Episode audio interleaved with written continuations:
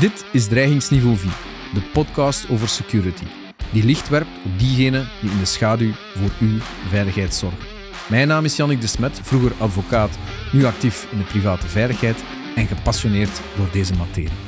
Paul Ponsaars, emeritus professor, geboren in 52, behaalde een licentie in de sociologie en de criminologie en achteraf ook een doctoraal proefschrift in de criminologie aan de Katholieke Universiteit Leuven. Hij was daar ook wetenschappelijk assistent. Vandaar ging hij naar de journalistiek en hij werkte bij De Morgen toen nog onder de hoofdredacteur Paul Goossens. Daarna deed hij een overstap naar het ministerie van Binnenlandse Zaken onder de ministers Louis Tobak en Johan van der Onotte. Hij eindigde zijn carrière als voltijds professor in de criminologie aan de Universiteit Gent en het is ook zo dat vele mensen hem kennen. Hij is ook auteur van verschillende boeken, waaronder het boek Lode Jaren van 2018, dat over de bende van Nijvel gaat. Professor Ponsaars, goedemorgen. Welkom. Dag Hallo, welkom in de Warande. Uh, hier zijn we opnieuw voor een aflevering van Dreigingsniveau 4. Het is mijn ware eer dat u hier vandaag aanwezig kan zijn. Mij ook. Dank u wel. En zoals gewoonlijk in onze podcast uh, willen we het eerst even hebben over ja, uw traject tot waar u nu bent, hè, uh, uw carrière en vervolgens een aantal ja, veiligheidsvragen uh, behandelen. Dus misschien eerst een inleidende vraag. U heeft uh, gestudeerd aan de KUL. Uh, u heeft daar ook een doctoraat uh, behaald in de criminologie en ik denk een licentie in de sociologie, verbeter mij. Onder Lode van Ootreven. achteraf bent u, heeft u gewerkt in de morgen onder Paul Goossens. een aantal mensen met nogal een linkse signatuur, maar die allemaal in de KUL hebben gestudeerd. U zelf heeft ook aan de KUL gestudeerd. Hoe, hoe bent u ooit terechtgekomen aan de KUL en waarom ook die keuze van die studies? Dat is een goede vraag die ik mezelf eigenlijk achteraf heb gesteld, maar op dat moment eigenlijk niet. Uh, toen ik een jonge snaak was, heb ik... Uh, mijn vader was glazenier, was een handarbeider. En die wou dat ik naar Florence ging om glasramen te beschilderen. En te leren beschilderen. En toen ik zei, ik wil sociologie gaan studeren, keek die naar mij met zo'n grote ogen. En die vroeg zich af, hoe komt hij daar in godsnaam bij? Dat kan ik mij voorstellen. Ja. Achteraf denk ik, een jaar in Florence, dat misschien toch ook wel leuk. zeer zeker. maar goed, ik heb het niet gedaan en ik ben eigenlijk een aantal vrienden in mijn omgeving, in het Antwerps, want ik kom eigenlijk oorspronkelijk uit het Antwerpse, gevolgd naar Leuven. En ik ben daar in eerste instantie sociologie gaan studeren. En dan kom je natuurlijk zeker in het Leuven van rond mei 68, terecht in een linkspad. Bijna onvermijdelijk, ja. Ehm, en dat stoorde mij niet, ik zal het zo zeggen, ja. En het is daar dat ik eigenlijk mijn maatschappelijk engagement heb, heb ontwikkeld. En ik ben daar eigenlijk achteraf gezien heel blij mee, maar ik moet eerlijk zeggen, op het moment jonge snaken nemen. Dat was geen bewuste keuze. Nee, nee, nee, helemaal niet. mijn familie was een, eh, een, Vlaamse katholieke familie. Maar men heeft me heel vrijgelaten thuis. Hè. Dus dat vond ik heel leuk. Ehm, en dat heb ik, die vrijheden heb ik me dan ook gepermitteerd ingenomen. En, en waarom sociologie dan? Want ja, gaat dat even goed kunnen. Ja, ik was heel maatschappelijk bewogen, ook al op, op school. ja. ja. En ik, uh, het was de tijd van stakingen, mijnstakingen, boerenprotest en weet ik veel. En de rakettenkwestie. Ja. Um, en met andere woorden, ik, ik was daar wel onbekommerd. Sociologie was iets dat ik probeerde te snappen hoe dat de maatschappij in elkaar zat.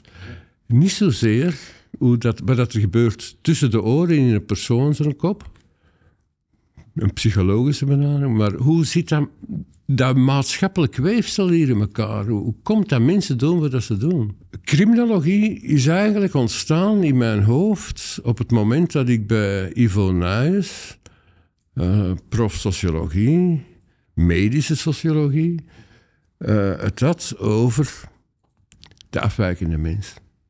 En met andere woorden, de, antipsychiatrie toch? toen dacht ik, ik wil daar meer over weten. En dan kwam ik terug bij Lode, Lode van Utrecht. die op dat moment bij de sociologen, want die, naast medische sociologie volgde ik ook arbeidssociologie. En dat werd gegeven, arbeids- en uh, uh, organisatiesociologie. Dat werd gegeven door Lode en Jan Bindervoet in de tijd.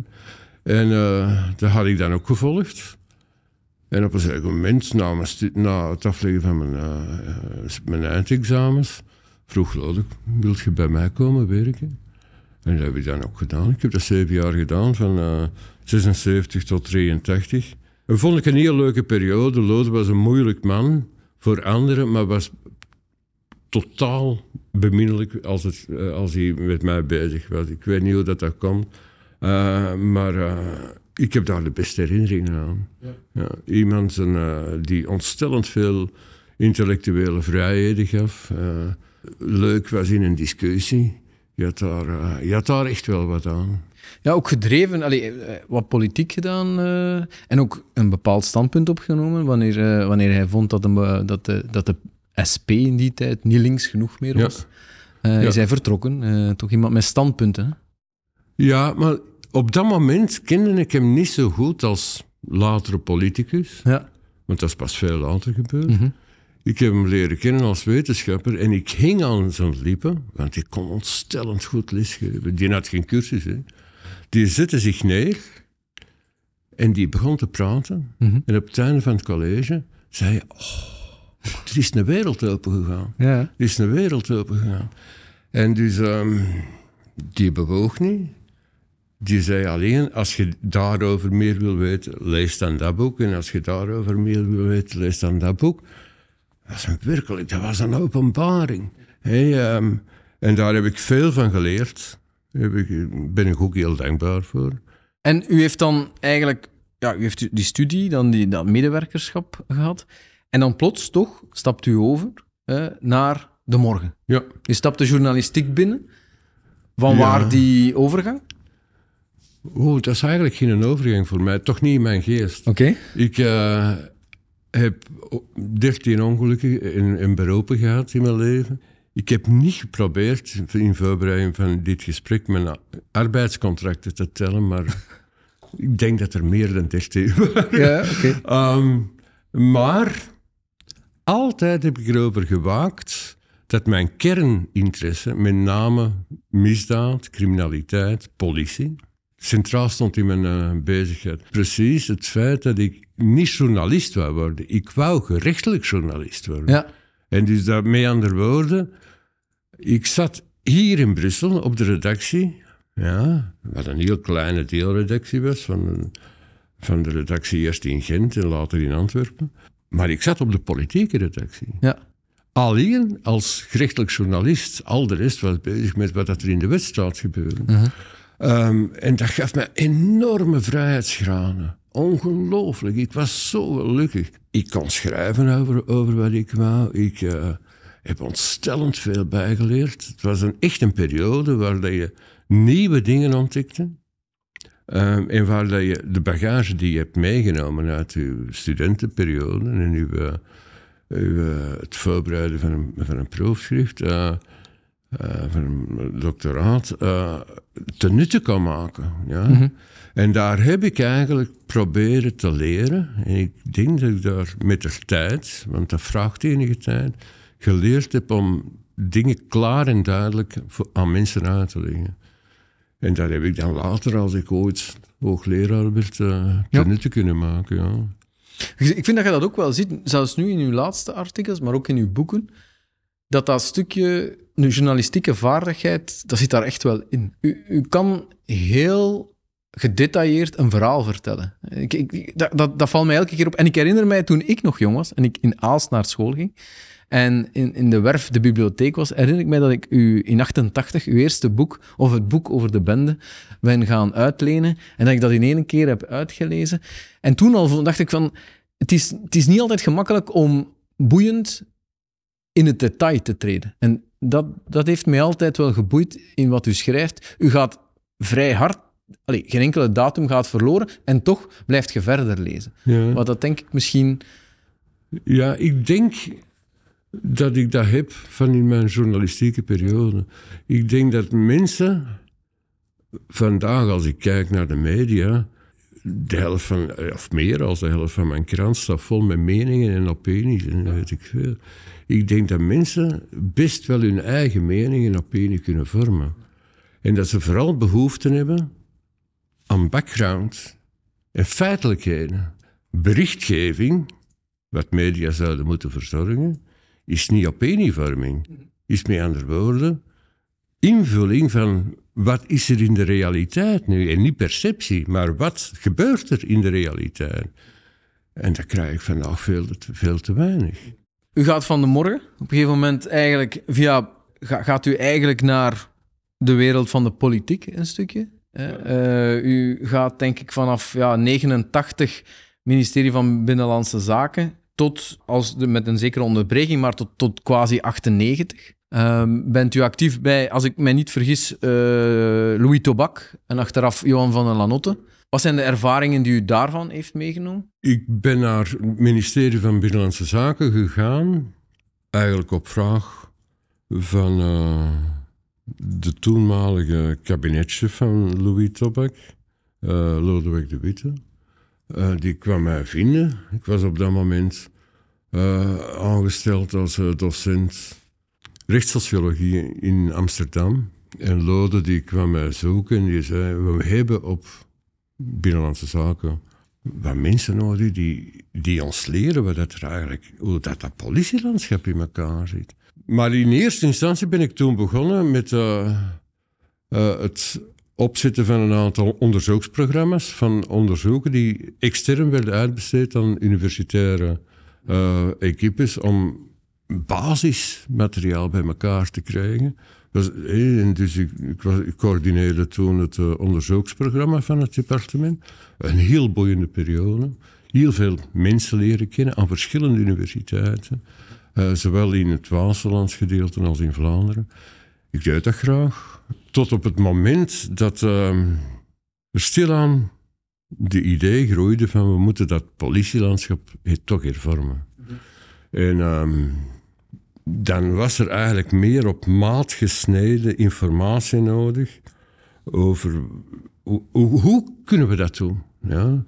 En dan hebben we een eigen onderzoeksequipe binnen de toenmalige APSD, de Algemene Politiesteundienst, uitgebouwd. Um, ik werd daar dan hoofd van de dienst politiebeleidsundersteuning. En we hebben dan uh, daar keihard gewerkt om die hervorming voor te bereiden.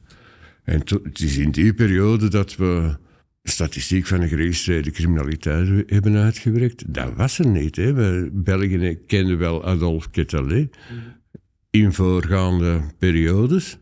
Maar op het moment dat, dat de hervorming speelde, was Quetelet al lang weg. en ook die statistiek. Hè. Ja, ja, dus niemand wist nog eigenlijk hoe dat die criminaliteit, die geregistreerde criminaliteit, zich verdeelde in ons land.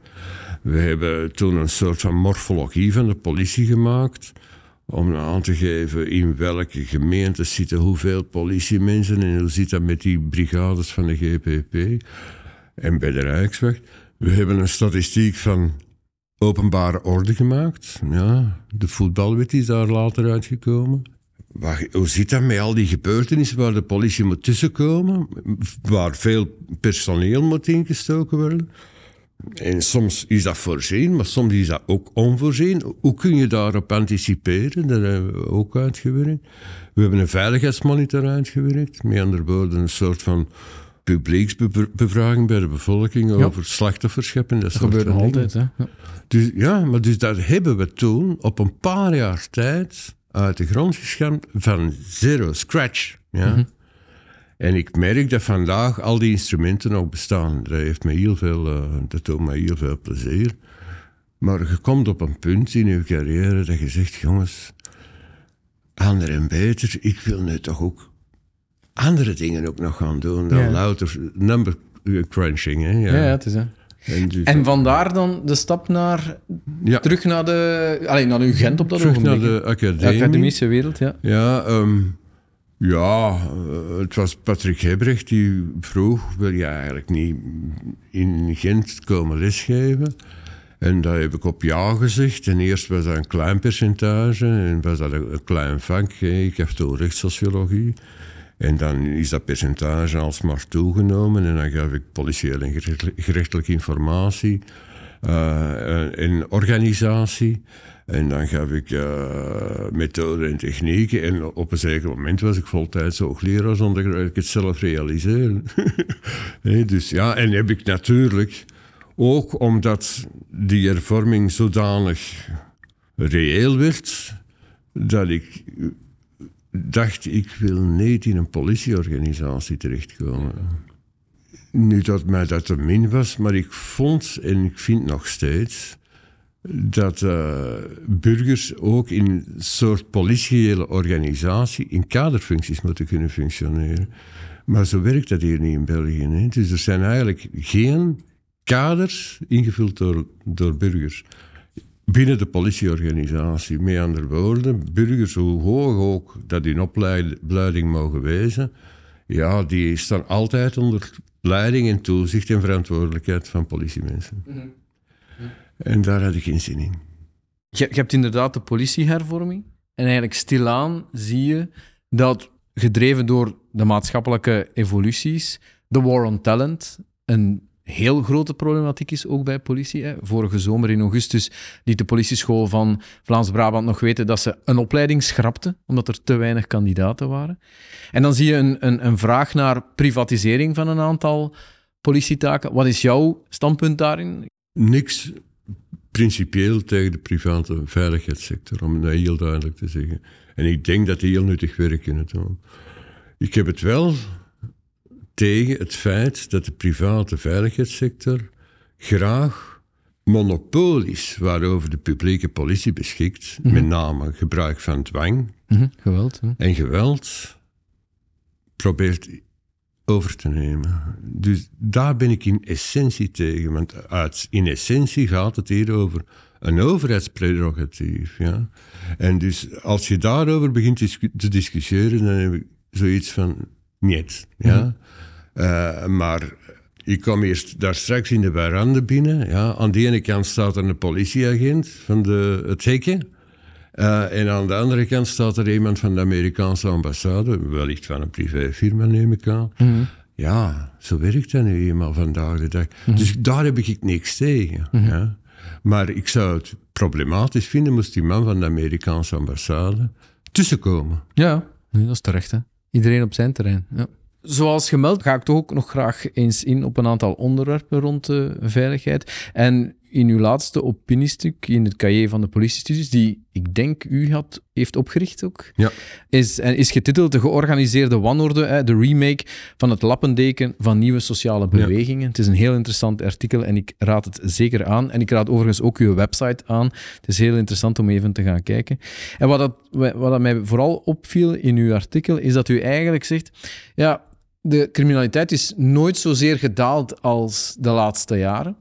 En toch is het onveiligheidsgevoel van de bevolking alsmaar gestegen. En u zegt daar, ja, een van de redenen is dat mensen verwachten dat ze over meer veilig gesteld worden dan alleen die criminaliteit. Ja. En daar ziet u een aantal spanningen. Kan ja, u misschien... dat is voor een stuk ook te wijten, denk ik, aan de eenzijdige interesse van criminologen. Je moet je eens voorstellen, we praten als criminoloog over onveiligheidsgevoelens. Ja. En ook de veiligheidsmonitor in de tijd probeerden we op te zetten om die onveiligheidsgevoelens op het spoor te komen. Maar toen, en dat is intussen toch wel jaren geleden, hè, uh, praten we over onveiligheid voor criminaliteit. Terwijl vandaag de dag mensen zich onveilig voelen over tal van problemen. Ja? Een oorlogssituatie, een klimaat dat in beweging is, eh, een pandemie en weet ik veel. Met andere woorden, onveiligheid is lang geen exclusief terrein meer van, van politie. En als je daar als overheid iets aan wilt doen, ja, dan moet je op tal van beleidsterreinen actief zijn en niet enkel op dat van, van, van veiligheid in de senso stricto hè, van politie. En dus dat vraagt een heel ander soort mentale reconversie. Want criminologen, die, het woord zegt het zelf, zijn zodanig gefixeerd.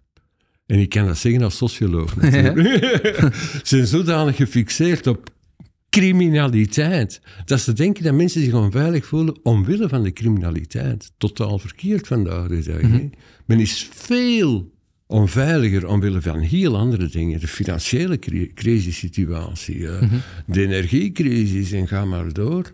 Dat houdt de mensen bezig. Hè? En wees maar gerust, de pandemie. Hè? Ja. Wees maar gerust dat dat de mensen in grote mate in de greep houdt. Mhm. En dus onveiligheid heeft een heel ander soort inhoudelijke betekenis gekregen voor, voor de, de maatschappij.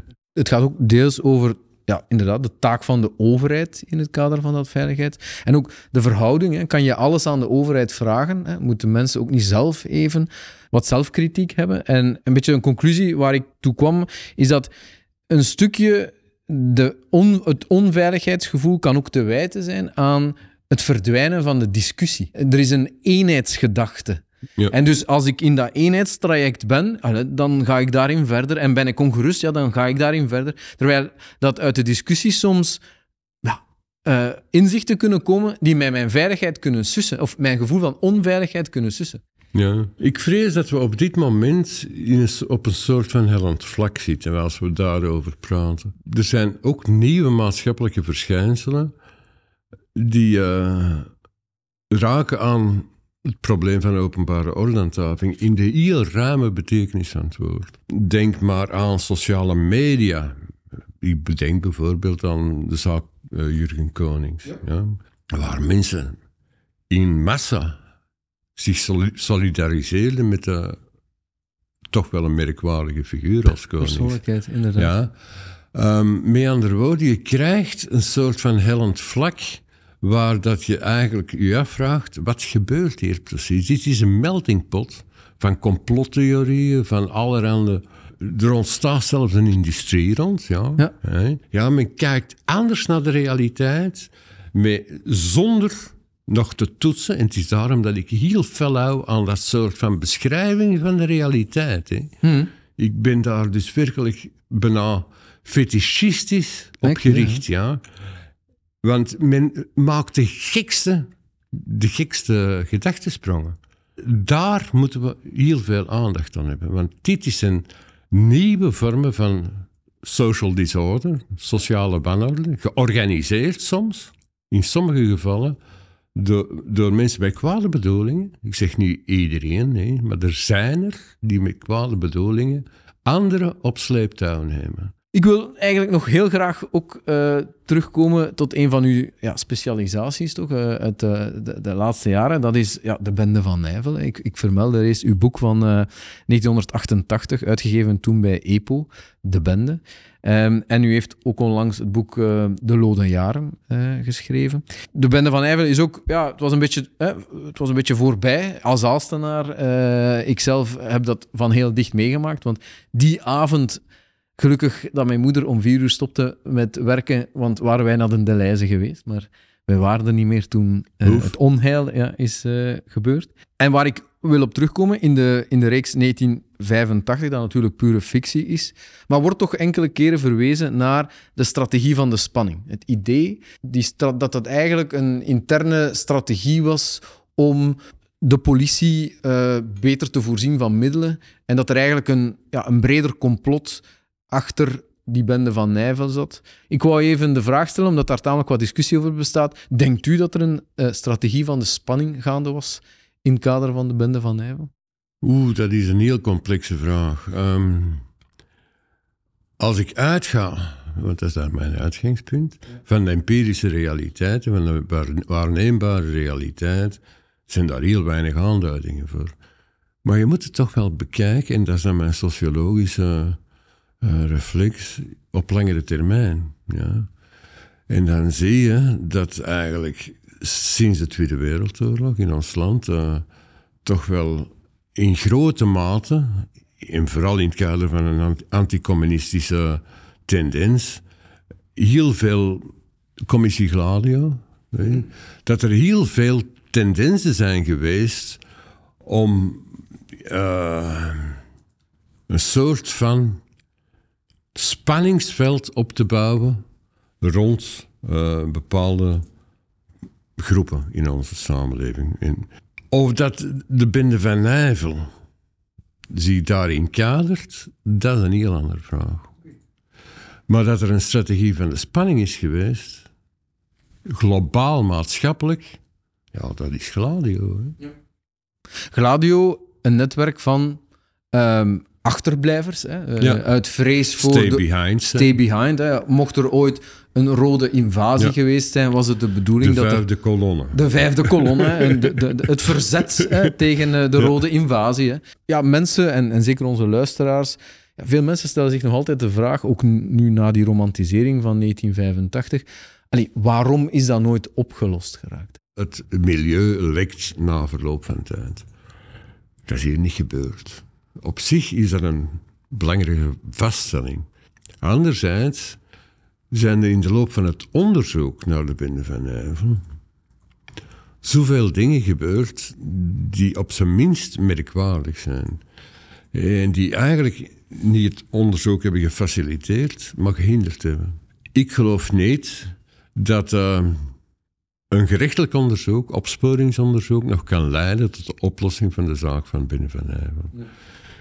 Laat ons dan ook die zaak gerechtelijk sluiten. Dat wil niet zeggen dat er niks meer moet gebeuren. is nog best aardig wat werk. Ja, maar maak dat dossier, dat gerechtelijk dossier, beschikbaar voor bijvoorbeeld een, een professionele ploeg van historici. We sluiten elke keer de podcast af met de drie dezelfde vragen voor elke geïnterviewde. En de eerste vraag is: wiens veiligheid vindt u het belangrijkste? Oh, ik denk dat zich iedereen moet veilig voelen. Want iedereen is uh, burger in ons land. En dus dat gaat van zowel de illegale migrant hier in ons land, om het nou zo te zeggen. De illegale betekent dan mensen zonder papieren. Tot en met de miljardair die naar de, de Titanic wil. Hè. ja. En aan de andere kant zijn er groepen uh, mensen, uh, bedrijven misschien ook, die geen veiligheid verdienen? Nee, nee, dat is heel simpel. Wat zou uw tip zijn rond veiligheid? Moeten de mensen zelf iets doen? Oh, mensen kunnen van alles doen. Hè. Uh, technopreventieve middelen kunnen helpen. Uh, men kan al, allerhande doen. Waar ik tegen ben, ik zeg het nog eens, en niet enkel ik, hè. ook de overheid is daar mhm. tegen. Anders was de wet op de private milities er nooit geweest. Zeker. Ook een werk van tobak, by the way. Ja. En dus dat, dat er private firma's actief zijn, ik, ik juich het toe, hè, mhm. om het nou heel duidelijk te zeggen. Maar niet om dat monopolie uh, van geweld mm -hmm. te breken. Mm -hmm. Oké, okay, dank u wel. Uh, heel bedankt voor deze mooie uiteenzetting. Graag gedaan. Fijn dat je naar deze aflevering van Dreigingsniveau 4 luisterde. Deze podcast wordt gesponsord door GeForce.